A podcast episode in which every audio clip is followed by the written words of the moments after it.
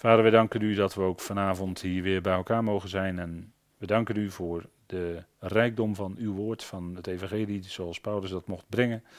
We danken u voor de Efezebrief, de top van alle brieven van Paulus. En we danken u dat u daarin zoveel bekend maakt en dat we daarmee bezig mogen zijn. Dat u ons dat, die gelegenheid daartoe geeft en dat u wijsheid en inzicht wil geven. En daarom bidden we ook voor de geest van wijsheid en onthulling in de erkenning van u. Vader, wilt u ons dat rijk toedelen, opdat we deze dingen echt met ons hart kunnen verstaan en geloven. We danken u dat we daardoor opgebouwd worden en ook richting krijgen hoe we ook daarmee kunnen leven in ons dagelijks leven. Dank u voor dat geweldige fundament wat u zo in uw woord geeft, waarop wij kunnen staan, waarop we kunnen leven. En geef ons de kracht, Heer, dat we ook kunnen blijven staan en weerstaan met die wapenrusting van u. Vader, dank u wel dat we zo ook vanavond weer een stukje uit uw woord met elkaar mogen overwegen. Geeft u daarin de woorden, de wijsheid, overdrachtsvermogen en ons een luisterend hart, een geopend oor om die dingen van uw woord te kunnen verstaan. Dank u wel dat u ons vasthoudt en lief hebt en koestert, ook deze avond. Vader, wees ook met hen die op afstand meekijken en luisteren, wees hen in bijzonder nabij en schenk hen ook die vrede en rust van u in hun hart. We danken u dat u dat ook doet en dat u alles in uw hand heeft. Daar dank u voor in de naam van uw geliefde Zoon, onze Heer Christus Jezus. Amen. Goed, we lezen met elkaar een enkel, uh, enkele versen uit uh, Efeze 2. En dat doen we uit, uh, om het zo maar te zeggen, de papieren versie. Waarvan we ook binnen afzienbare tijd hopen te komen tot een, met een papieren versie van alle brieven van Paulus. Maar dat, daar wordt hard aan gewerkt en dat hopelijk zo snel mogelijk. Ik lees met u uh, Efeze 2 vanaf vers 13 en dan tot en met vers 18.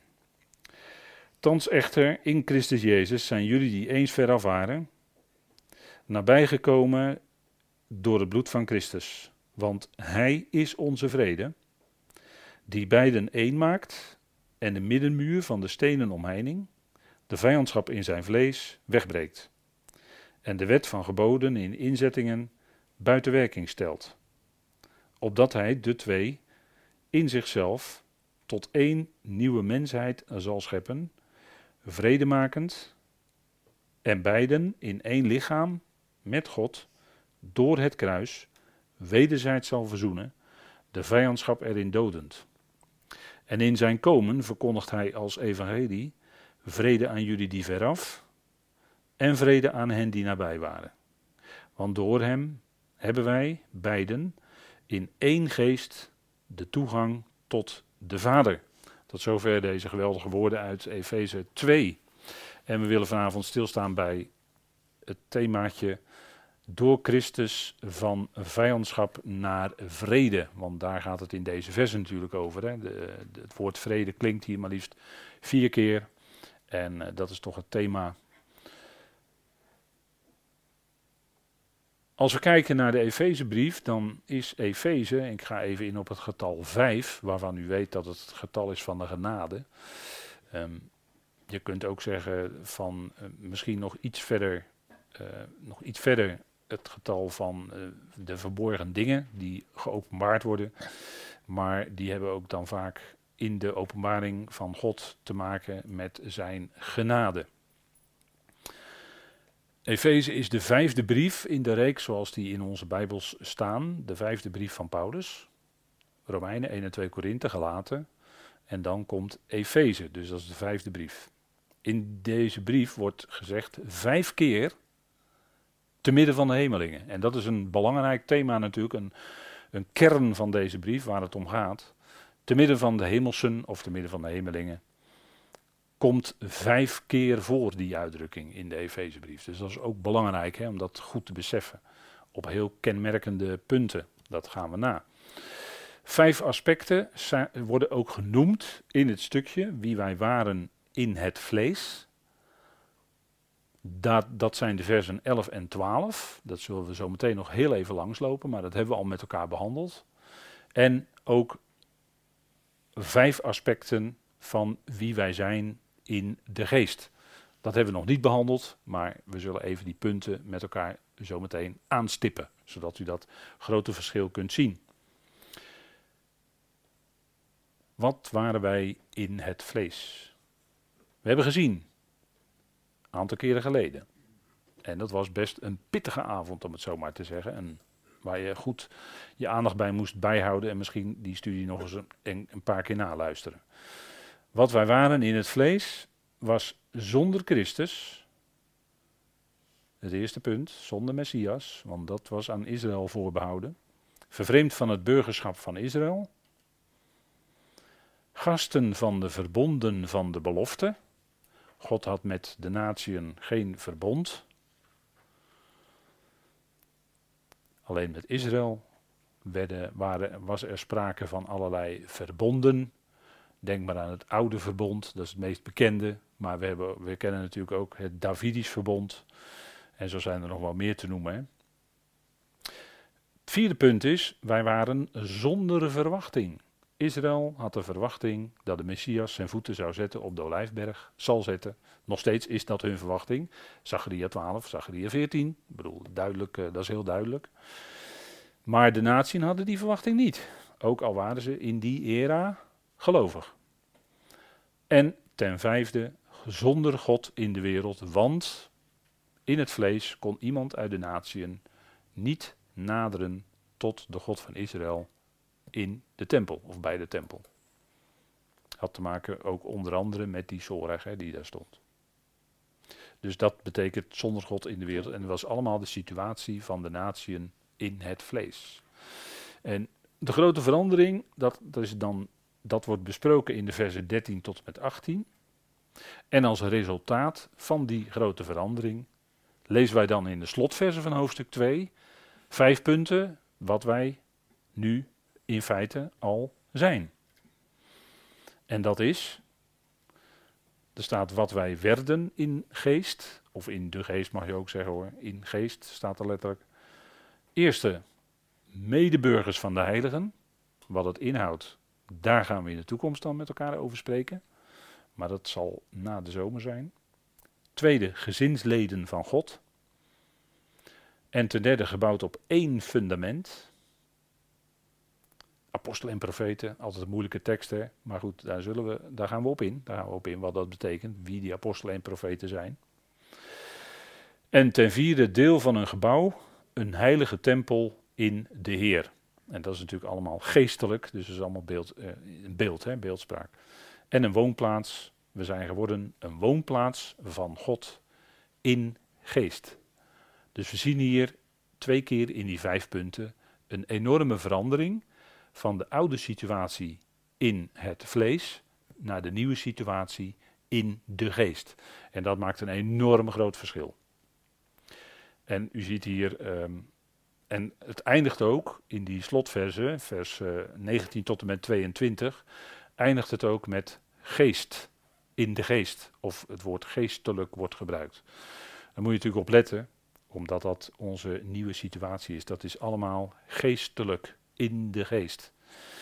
We hebben geen enkele vleeselijke uh, verbinding of uh, wat dan ook meer. We hebben geen enkel tastbaar iets meer. Het is allemaal in de geest, geestelijk. We zijn ook in één geest naar binnen dat ene lichaam gedoopt. En dat is uh, ook geestelijk. En dat maakt het voor ons vaak moeilijk.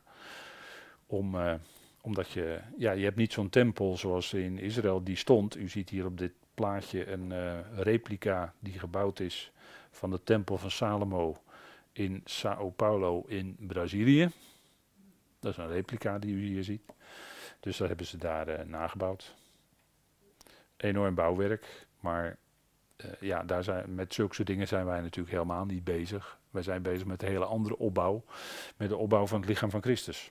En ook dat kun je niet direct met je handen of met je ogen zien, maar dat is ook een geestelijk gebeuren natuurlijk. Dus we zien dat er een enorme verandering daar is. En we zitten dan midden in die verandering en hoe dat tot stand is gebracht. De vorige keer hebben we met elkaar stilgestaan bij de middenmuur van de stenen omheining, die weg is gebroken. Voor het woord wegbreken, u ziet als u concordante teksten bijpakt, dan ziet u bij dat wegbreken een sterretje. En dat, dat, daar staat eigenlijk het woord losmaken. Losmaken. Dus je zou kunnen zeggen, die stenen van die muur, die zijn losgemaakt. En die zijn helemaal uit elkaar gehaald. En zo is die muur weg, inderdaad, weggebroken. Maar het punt is eigenlijk het losmaken wat er staat. Hè. Het eh, Griekse woord luo is dat. En we hebben gezien de uh, vers 14, vers 15, dat de geboden, de wet van de geboden in inzettingen bestaande, wordt, is buiten werking gesteld. En dat had te maken met de decreten of de inzettingen die door Jacobus waren meegegeven op dat convent in Jeruzalem. Dat hebben we uitgebreid met elkaar gezien de vorige keer. Maar die zijn in feite ook door het schrijven van deze brief buiten werking gesteld. dus de wet van geboden in inzettingen wordt verwezen naar Colossense 2 vers 14, buiten werking gesteld. Het handschrift dat tegen ons getuigt hè, staat in uh, Colossense 2 en ook dat is uh, buiten werking gesteld. Dat we zeggen, uh, het heeft geen werking meer. Het is, uh, het is neergehaald als het ware en zodanig neergehaald en stopgezet dat het geen werkzaamheid meer heeft. Dat betekent dat woord buiten werking stellen. En dat is opdat hij de twee, dan komt er een opdat, opdat hij de twee in zichzelf tot één nieuwe mensheid zal scheppen, vredemakend. Dus het gaat over die nieuwe mensheid hier. En die, hè, dat is opdat hij die zal of zou scheppen, hè, dat staat een aanvoegende wijs eigenlijk, zou scheppen vredemakend. En dat thema van vrede, dat komt natuurlijk nadrukkelijk voor in deze tekst, vers 14 allereerst. Want hij is onze vrede. En nu in dit vers 15 vredemakend. En dan lezen we in vers 17, verkondigt hij als evangelie vrede aan jullie die veraf en vrede aan hen die nabij waren. Dus vier keer het woord vrede, dus, dus nadrukkelijk, nadrukkelijk komt dat naar voren. Hier zien we dat, hè. Ehm, de twee in zichzelf tot één nieuwe mensheid schept. Zo mag je het ook vertalen, want het is ook een uh, zogenaamde. Het is een feit, u aorist. In, zelfs in de, hier aanvoegend. Maar goed, dat is allemaal taal. Het gaat erom dat hij, Christus Jezus, de twee in zichzelf tot één nieuwe mensheid schept. Vredemakend. Dat we zeggen, de twee is twee groepen. Gelovigen uit Israël en gelovigen uit de natieën. Door het wegbreken en het buitenwerking stellen dat zat ertussen, maar dat is weggedaan door hem, door zijn kruisdood. En het resultaat is dat er één nieuwe mensheid is. Dus die nieuwe mensheid die wordt gekenmerkt door eenheid, vrede.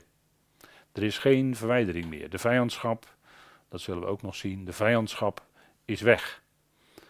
De vijandschap bestond nog in het vlees. Als er sprake is van vijandschap of verdeeldheid, is dat altijd in het vlees of door het vlees. Maar in de geest is het één, is er eenheid, is er ook één nieuwe mensheid. En we zien daar al, zou je kunnen zeggen, in de komende duizend jaar, als je op aarde kijkt, een prelude van, doordat Israël één is en er geen onderscheid meer is tussen die twee groepen, want in Israël waren er ook twee groepen, de twee stammen en de tien stammen, maar die worden naar Ezekiel samengevoegd onder het nieuwe verbond, waarin zij de geest krijgen. Israël wordt wedergeboren en door de werking van die geest is er ook eenheid dan in Israël. Hè? Israël is dan één, één volk. Het zal worden één kudde, zegt de Heer, één herder. En hij is die herder en hij laat dat herderschap dan bij gelegenheid in die duizend jaar over aan koning David. Ja, letterlijk koning David, ja. Die zal opstaan bij de opstanding van de rechtvaardigen. Zo moeilijk is dat niet. En er staat zes, zeven keer in profetie dat David koning zal zijn of vorst zal zijn over Israël in het komende millennium, in de komende duizend jaar. Dat is helemaal niet moeilijk. De Heer deelt zijn die verantwoordelijkheid van koning zijn deelt hij toe dan aan David. En David zal dan koning zijn over Israël. En de twaalf apostelen zullen regeren over de twaalf stammen. Dat is wat de Heer gezegd heeft. Jullie zullen in de wedergeboorte op twaalf tronen zitten en regeren over die twaalf stammen. In de wedergeboorte, hij zegt het. Matthäus 19, je kunt het zo nalezen. Dat, zo zal het zijn in de duizend jaar. En de Heer laat dan het koningschap aan David over. En bij gelegenheid zal de Heer best wel eens op aarde zijn in Jeruzalem. Om wat eh, dingen eh, misschien uh, te regelen, te bespreken. Even heel menselijk gezegd. En de Heer, zijn, zijn bereik is natuurlijk veel groter. Want hij is niet alleen van deze aarde de lotgenieter. Maar hij is lotgenieter van het al. Hè? De Heer is lotgenieter van het al. Dat is alles, alomvattend. He, staat in Hebreeën allemaal, dan kunt u zo nalezen, de eerste versen van de Hebreeënbrief. Dus alles is onder zijn bereik, dus hij zal regeren over alles. Hij is niet alleen dan koning van de koningen hier op aarde, maar hij is dan regeerder. Hij gaat over dat hele, die hele schepping, alles, hemelen en aarde, zal hij regeren over al die hemelingen ook. En daar gaan wij aan meewerken aan die, om die hemelingen onder de voeten van de Christus te brengen. Dat is natuurlijk, ja, kijk, de Heer is koning van de koningen. Dat is natuurlijk op zich geweldig hier op aarde. Maar hij is heel veel groter nog dan dat. Hij is regeerder straks over alles. Want alles is hem door vader gegeven als lotdeel. Die hele, die hele schepping, alles gewoon. Dus dat is, ja, dat is natuurlijk geweldig. Dat is, dat is de werkelijke positie van Christus. Hè? Dat is de heerlijkheid van Christus. En hij heeft vele heerlijkheden. En één heerlijkheid van Christus is dat hij koning van de koning is en heer van de heren. Maar dat is één van, laten we zeggen, dat is nog één van zijn aardse heerlijkheden. Maar zijn hemelse heerlijkheden zijn nog groter en nog hoger. dat moeten we natuurlijk wel beseffen. Hij is ons hoofd.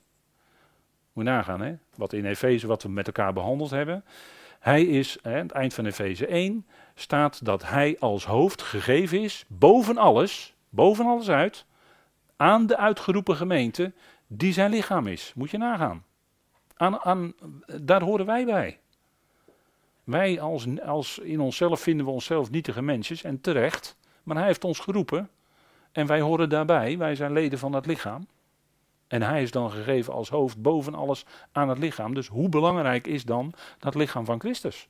Moeten we wel beseffen. Hè? Wat voor een enorme status u heeft als zoon zijnde. Hè? Dus niet voor niks dat er in Efeze 1 vers 5 staat dat wij de zoonplaatsing ontvangen hebben. Plaats van zoon, dat is een hele status hoor. En dat is natuurlijk wat wij mogen zijn. En wij zullen, er zal nog getoond worden aan de hemelingen wie wij zullen zijn. Want als Christus geopenbaard wordt in heerlijkheid, zullen wij tezamen met hem geopenbaard worden in heerlijkheid. Zegt Colossense 3 toch? Nou, hij is zo hoog nu als verheerlijkte Heer aan ons gegeven. En we zouden dan ook bedenken de dingen die boven zijn, waar Christus is.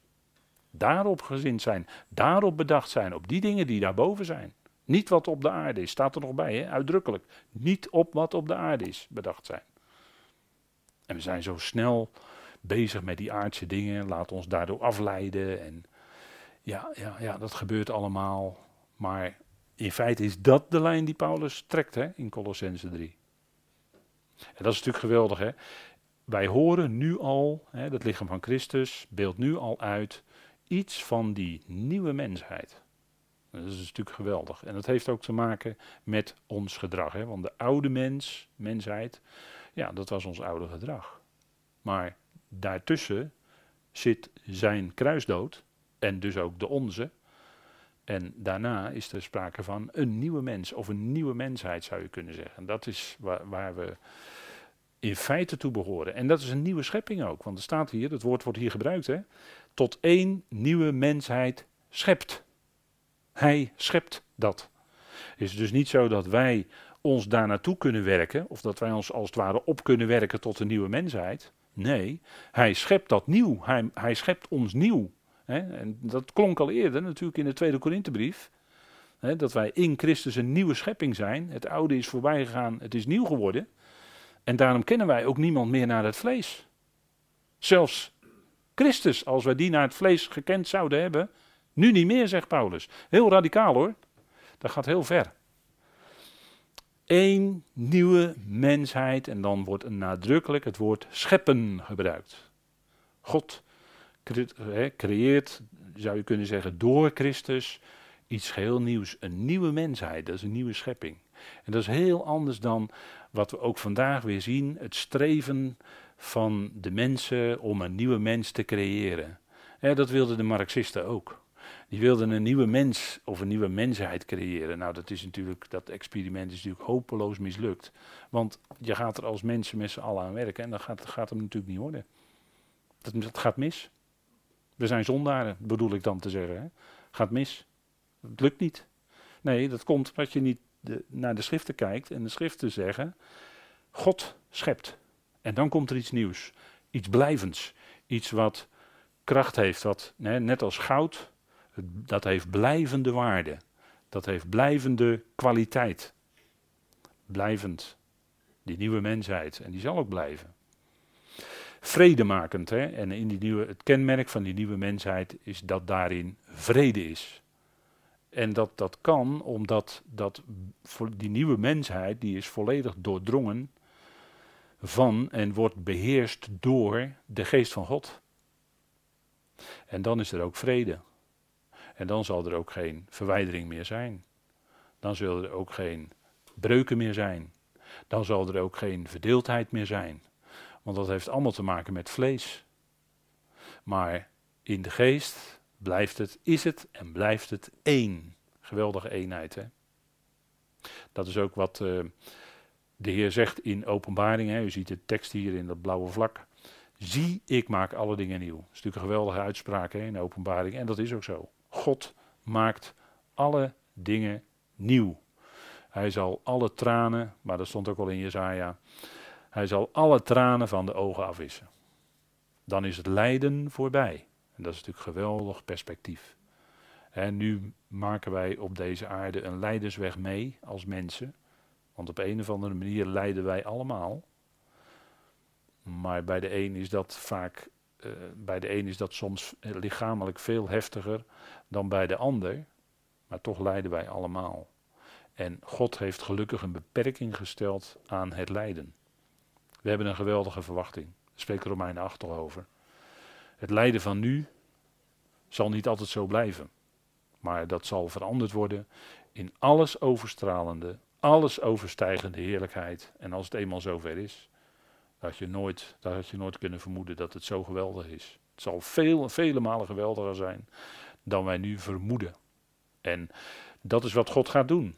Hij maakt alle dingen nieuw. Dat, is, dat zijn woorden die bieden, die bieden verwachting. Die, die leggen een verwachting in je hart. dat is eh, niet iets vaags, nee, dat is iets, wat, iets dat werkelijk is, iets dat zeker is. Het is de belofte die God geeft en daar kun je op vertrouwen, daar kun je op bouwen en God zal dat ook gaan doen. Daar kijken we naar uit, allemaal. De mensheid snakt ernaar, de schepping zucht.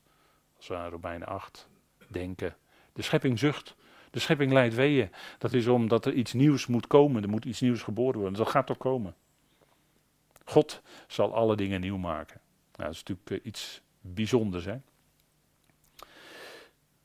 We kijken naar die oude mensheid eventjes.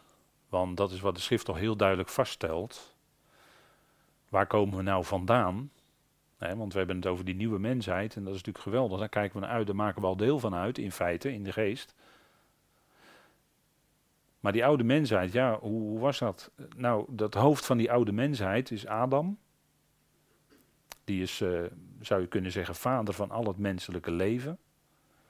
Maar ook van het sterven, want, zoals Romeinen 5 zegt, derhalve, evenals door één mens de zonde in de wereld binnengekomen is, en door de zonde de dood, zo is ook tot in alle mensen de dood doorgekomen, waarop allen zondigen.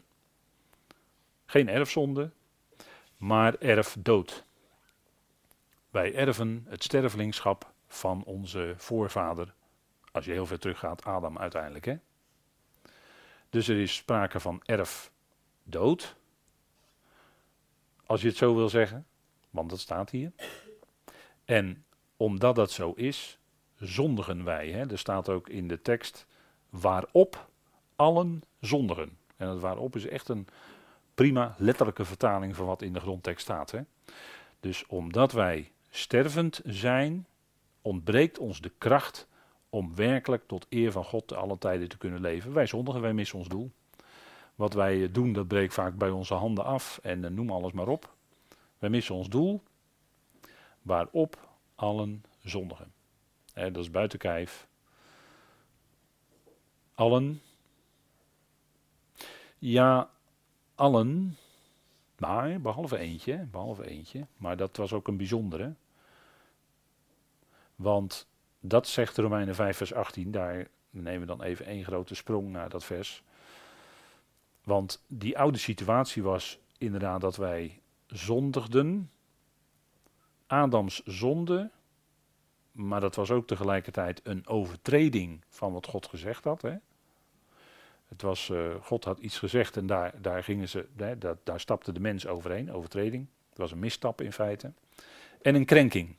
Ze krenkte daarmee het hart van de Vader. En dat bracht veroordeling voor die oude mensheid. Maar de daad van Christus, hè, Christus daad, brengt rechtvaardiging voor alle mensen. En dan zet je misschien even je bril zo recht, zo van, staat daar echt alle mensen? Ja, het staat er echt. Dus het is tot in rechtvaardiging voor alle mensen. Ja, dat is echt. Dat is echt alle mensen, staat er. Romeinen 5 vers 18, hè? dat is de, de conclusie, samenvattende conclusie van het voorgaande stukje. Dus zoals dan door één krenking, want dat was ook wat Adam en Eva deden, daar krenkten zij het hart van de vader mee. Want zij gaven toch blijk van het niet helemaal te vertrouwen van wat vader gezegd had. Misleid als ze waren door de slang. Zij krenkten het hart van de vader. Zo kwam het voor alle mensen tot veroordeling. En zo komt het ook door één rechtvaardige daad, zijn dood en zijn opstanding, het voor alle mensen, dat is diezelfde alle mensen als in het eerste deel van het vers, het is hier een perfecte parallel in het Grieks, voor alle mensen tot rechtvaardiging van leven. Dus het leidt ook tot leven. Dus we gaan van dood naar leven, we gaan van veroordeling naar rechtvaardiging. Door de zoon. Daar heb je zelf niet je best voor kunnen doen. Integendeel. Waar wij ons best voor deden was zondigen. Daar deden wij ons best in. En hij zondigde niet. En als de zondeloze werd hij gekruisigd. En zo werd hij tot zonde gemaakt. Je mag ook zeggen tot zondoffer. Op grond van het Hebreeuws. Dat kan allebei. Hè. Dat is uh, allebei een mogelijkheid. En daarmee deed God de zonde weg.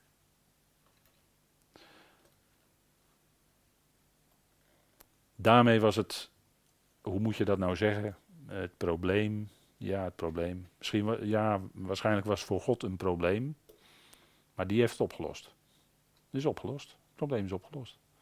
Voor heel veel mensen dat ze tegen de klip op zondigen is helemaal geen probleem. Want ze zijn zich vaak helemaal niet bewust dat ze zondigen tegenwoordig. En het kan best zijn dat ze dan toch tot geloof komen door het prediking of wat ook. En pas later komen ze tot een ontdekking wie ze werkelijk zijn in het licht van Gods woord. Dat kan best hoor, dat kan best, best later komen als je al gelooft. Terwijl daarvoor was voor jou helemaal geen probleem, maar het probleem was al opgelost, al 2000 jaar geleden. En dat is natuurlijk geweldig. En dat geldt voor alle mensen. Ja, dus ook voor, nou dan kunnen we dan weer die erge erge figuren kunnen we opnoemen, hè, die grote misdaden in de loop van de geschiedenis hebben begaan. Hè, grote dictators enzovoort, kunnen we, die namen kunnen we allemaal noemen. Die ook, die ook. En weet je wat je dan zegt? Dan zeg je eigenlijk daarmee dat jij beter bent. Maar je bent helemaal niet beter dan die dictator, want wat zou jij gedaan hebben als jij in die positie van die dictator kwam? Wat zou jij gedaan hebben? Misschien wel precies hetzelfde. Weet jij veel? Vlees van de mens is een crimineel hoor. Ben niet voor niks met die vier, die vier met, die met hem gekruisigd waren. Dat waren niet voor niks rovers en misdadigers. Dat is de mensheid in zijn vlees, in zijn oude ikkie. Dat zijn u en ik, in ons oude ikkie. Rovers en misdadigers. Niet zo best allemaal hoor. En dat is mede gekruisigd met Christus. En zo is het voor God in principe al weggedaan. Alleen dat het allemaal zijn beslag gaat krijgen, ja, daar gaat nog een hele tijd overheen. En dat is Gods plan. Dan kun je zeggen, ja, waarom dan duurt het zo lang? Ja, dat is Gods plan, hè? Dat is Gods plan. God zet in stappen, gaat hij zorgvuldig, stapje voor stapje, voert hij zijn plan uit. En ook vandaag aan de dag, wij zeggen het gaat aan alle kanten mis in deze wereld. Er is een heleboel kwaad, zegt ook Daniel, hè? In de eindtijd zal het kwaad toenemen. Nou, kijk maar om je heen, lees de berichten maar, het neemt gigantisch toe. Precies wat Gods woord zegt. Maar dat moet ook zo zijn, want het is voorzegd. Dus het moet ook zo op een gegeven moment gaan plaatsvinden. Hoe moeilijk je het ook vindt misschien, en hoe graag je het ook zou willen veranderen, maar vaak kun je dat helemaal niet veranderen, want het gaat naar Gods plan. En straks komt de Messias en die zal dingen weer gaan rechtzetten. Ja, hij zal het recht voortbrengen, zeggen de profeten. Als hij komt, zal hij het recht voortbrengen. Dan zal hij wat, uh, wat krom gemaakt is, hè, wat krom geworden is, wat krom, noem alles maar op. Alles wat op zijn kop gezet is, zet hij weer overeind. Zo kan je het misschien ook zeggen. Dat is wat gaat gebeuren. En kijk, de rechtvaardiging tot leven, daar hebben wij nu al deel aan. Daarom is er voor ons, als gelovigen, geen veroordeling. Want wij zijn in Christus Jezus. Geen veroordeling meer. Dat is natuurlijk geweldig als je dat beseft. dat is uh, heerlijk evangelie. Allemaal Romeinenbrief hoor. Dat is natuurlijk, uh, ja, met die oude mensheid, dat, dat was allemaal niet zo best. Want kijk, in vers 19, gaan we nog heel even door in Romeinen 5.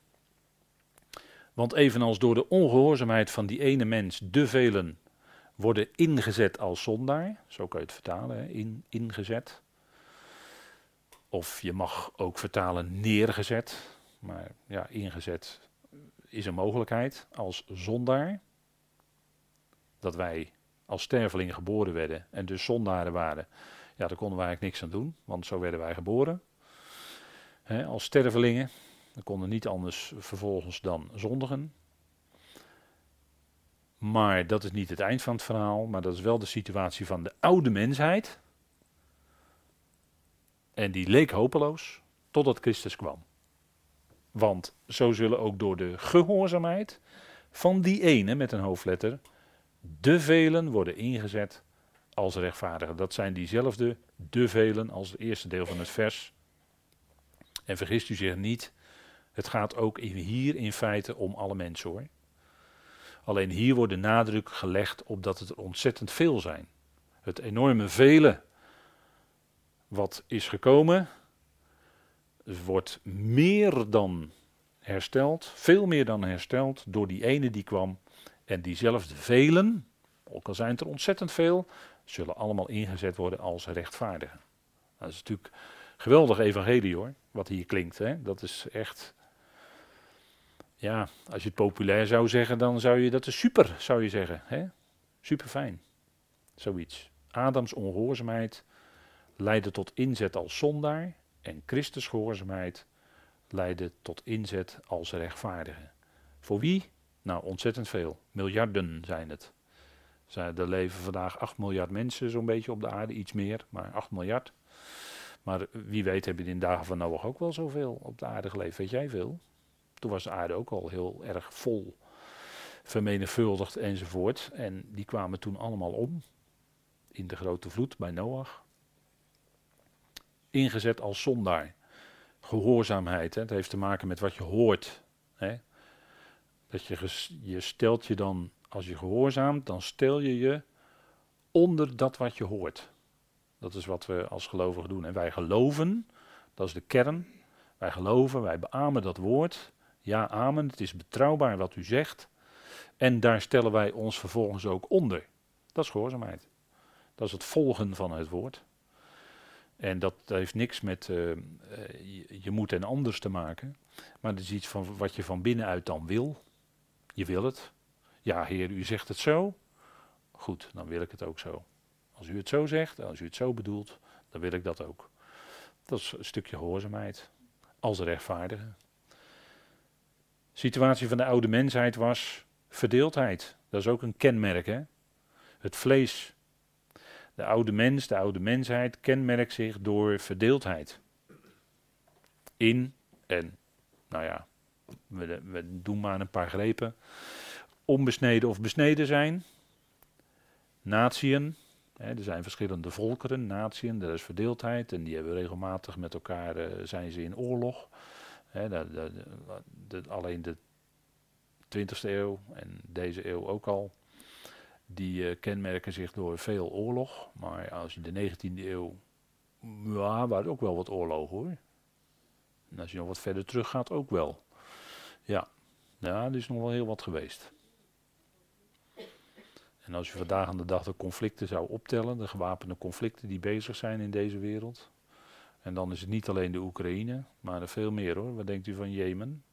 Wat denkt u van Syrië? Wat denkt u van, nou zo kun je wel een heel rijtje gaan opnoemen hoor, waar het allemaal speelt. Natieën, religies. Maar ook tegenstelling tussen arm en rijk. Kan ook leiden tot slaaf en heer. Het geeft allemaal spanning, vijandschap, verdeeldheid, breuk. Tegenstander is uh, ongelovigen niet uh, uh, vaak op uit, ook dit hè. Begint met haarscheurtjes, weet u wel. En op een gegeven moment wordt dat steeds duidelijker dat, ja, dat gebeurt vaak onder gelovigen. Dus zo is de tegenstander bezig. En wij zouden dan die wapenrusting aan hebben en staan, weerstaan, stand houden, met de wapenrusting van God aan, hè? biddend stand houden. En leven vanuit de eenheid van de geest met alle gelovigen. Als echte gelovigen zijn, daar ben je één mee. Die hebben ook Gods geest ontvangen. Daar zijn we één mee. Helemaal geen probleem. Helemaal geen probleem. De eenheid van de geest zouden wij bewaren met de band van de vrede. De eenheid van de geest is er, die hoeven we niet te maken. Die is er. Alleen we bewaren door de band van de vrede. En dat is natuurlijk wat anders. vrede wordt dan genoemd door Paulus. Stuk op basis, Efeze 4, de eerste verse, op basis natuurlijk van dit stukje ook hier, waarin er wordt gezegd, die nieuwe mensheid, daar maken jullie deel van uit, dat ene lichaam, daar is vanuit de Heer, is daar natuurlijk geen verdeeldheid in. In het lichaam van Christus. Dat is één. Dat we allemaal die ene geest hebben ontvangen. De geest van God, de geest van Christus, hoe moet je het zeggen? Dus er is geen verdeeld, we zijn één. Dus overal waar gelovigen bij elkaar komen, rondom het woord, daar ervaar je die eenheid. Dat is, dat is eh, de eenheid van de geest. En gaat niet om of wij er met een stempel een naam op plakken, of dat wij een organisatie opzetten en, en vervolgens een groep gaan vormen en dat is dan een eenheid. Wel nee, helemaal niet. Dat is een groep waar een naam op geplakt is.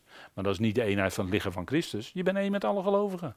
Die, die, dat zit door, wij zeggen dan altijd, dat zit door alle groepen en denominaties en wat dan ook, zit dat heen. Ieder die het echt gelooft en je komt met het woord, ja, dat geloof ik. Nou, dan ben je toch één met elkaar. Het gaat toch om de, dat het woord centraal staat. Geloof je dat? Nou, fijn. Dan, uh, dan kunnen we samen optrekken en rondom dat woord met elkaar bezig zijn.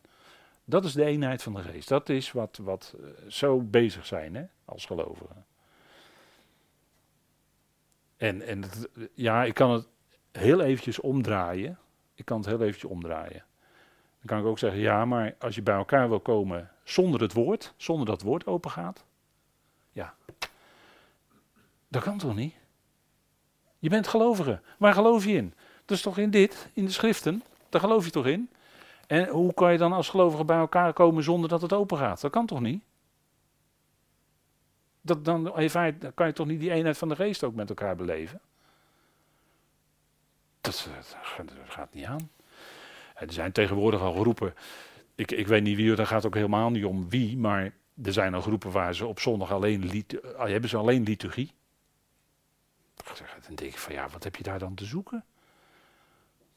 Als je alleen liturgie hebt, nou, daar kom ik mijn bed dan niet voor uit hoor, op zondagochtend. Niet, nee. Nee. Wat, wat heb je dan? Dan zing je wat met elkaar en misschien uh, klappie, weet ik veel. Maar het gaat toch om dat we Gods woord met elkaar openen. Want dat is onze voeding. Dat is, dat is, dat is wezenlijk voor het beleven en beleiden van elkaar, van die eenheid van de geest. Want de geest werkt door het woord. Werkt niet zomaar los van het woord. Dat kan niet. Dan krijg je al heel snel geestdrijverij en al dat soort dingen. Gebeurt ook allemaal. Maar dat is, dat, nee, het heeft altijd te maken met Gods woord hoor. En kijk, dan ja, Kijk, die oude mensheid kenmerkt zich door verdeeldheid. En ja, helaas moeten we dan soms tegen elkaar zeggen, als je nou naar alle gelovigen kijkt zo wereldwijd, hè, dan trek ik het heel breed. Dan is daar toch eh, allemaal mensen zeggen van, van, van buitenaf zeggen ze dan. Ja, je hebt allemaal groepen, allemaal namen, allemaal verschillende kerken. Hoeveel soorten gereformeerd zijn er niet in Nederland? Gaan we niet om gereformeerden, maar hoeveel soorten zijn er niet hervormd en in het buitenland ook? Ja, dat is natuurlijk eigenlijk een beschamende vertoning. Dat is overal. Maar ja, eenheid van de geest, hè, daar leven wij uit. Dit lichaam is één. Kijk, dat hoofd van de nieuwe mensheid is Christus Jezus. En die geeft leven met een hoofdletter. Hij, is de levengever natuurlijk, dat schrijven we ook met een hoofdletter. Maar hij geeft ook leven met een hoofdletter. En dat is veel meer dan dat leven wat via Adam, wat we net zagen, vanaf Adam was doorgegeven. Maar het leven wat hij geeft, is werkelijk leven door de geest, door zijn geest in ons. En dat is daadwerkelijk echt leven. En als dat zich uitleeft in je, om het zo maar te zeggen, dan is het ook tot eer van God. En dan komt ook die vrucht van de geest naar voren. Vrucht van, de, zegt het al, hè? Vrucht van de geest. Daar kun je niet heel hard voor gaan werken, maar dat is een groei wat God geeft. Net zoals in de natuur hij ook groei geeft. En de dingen laat groeien en bloeien. Zo doet hij dat ook in ons geestelijk leven, om het zo maar te zeggen. Hij zet de vrucht, zijn vrucht, vrucht van de geest in ons. En dan, ja, wat, wat, wat is dan op een gegeven moment meer te zien? Dan is meer, iets meer van Christus te zien dan, iets, dan meer dan van jouzelf. Dan is het niet meer jouw oude ikkie wat naar voren en naar buiten komt, maar dan is het het leven van Christus wat zich manifesteert door jou heen. En, en idealiter ben jij dan niet meer te zien, maar het leven van Christus. En zo ben je dan in Christus. Want dat is ook iets geestelijks. Hè? Want, als je nou afvraagt, wat betekent dat nou? Het in Christus zijn. Dat wil zeggen dat het leven van Christus zich door jou heen manifesteert. En dan ben jij niet meer te zien, maar Christus. En zo ben je dan in Christus. Maar dat is iets dat uh, hij uitwerkt in ons. Hè? Alle mensen worden gerechtvaardigd tot leven. Alle mensen zullen uiteindelijk ook leven ontvangen voorbij de dood. Dat is oneindig leven en dat noemen we ook wel onsterfelijkheid. Leven geeft hij, en dat wordt door het Griekse woord levend, ja, het Griekse woord voor levend, wij vertalen dat met levend maken. Maar het woord levend maken duidt eigenlijk op een levensproces, een doorgaand levensproces, dat nooit meer eindigt. Dat altijd in stand wordt gehouden. Hoe? Door de geest van God. En dat is veel meer en veel groter. En, en, en, het slokt eigenlijk dat hele stervensproces waar we nu nog in zitten op, zou je kunnen zeggen. Wij, zitten nu, wij zijn nu stervend. Dat is ook een proces. Maar we zullen straks levend gemaakt zijn. En dat levend gemaakt zijn of worden duidt dan aan dat het een levensproces is in ons door zijn geest dat nooit meer zal eindigen. Dat is eigenlijk levend maken. En mensen worden wel eens door het begrip, het Nederlandse begrip, levend maken op het verkeerde been gezet. Doordat ze denken, ja, dat is dat je uit de dood weer levend wordt gemaakt. Hè? Dat je opgewekt wordt uit de doden, als het ware. Maar levend maken is meer dan alleen opgewekt worden. Levend maken wil zeggen levensproces hebben. Een oneindig proces. Leven wat nooit meer stopt. Je doet aan de jonge, Colossense 3, hè, dat is de nieuwe situatie van ons. We doen aan de jonge mensheid die vernieuwd is tot erkenning in overeenstemming met het beeld van Hem die haar schept. Ook hier, hier wordt gesproken over de jonge mensheid. Dat wil zeggen dat het jong, energiek, fris is. Hè, daar ligt dan de nadruk op door dat woord jong. En ook hier wordt het woord scheppen gebruikt. Hè? Net als in Efeze 2. Als het gaat over die nieuwe mensheid.